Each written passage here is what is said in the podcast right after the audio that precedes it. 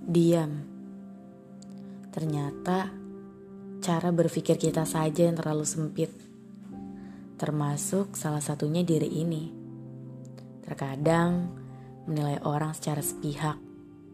Padahal belum tahu latar belakangnya seperti apa. Kita memiliki alur ceritanya masing-masing. Jadi, jangan terlalu cepat memutuskan.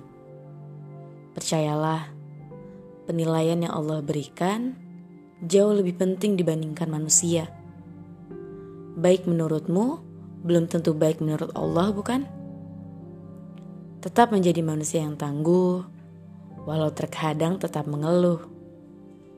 Diam bukan tak berani untuk berbicara, hanya tak ingin memperkeruh suasana.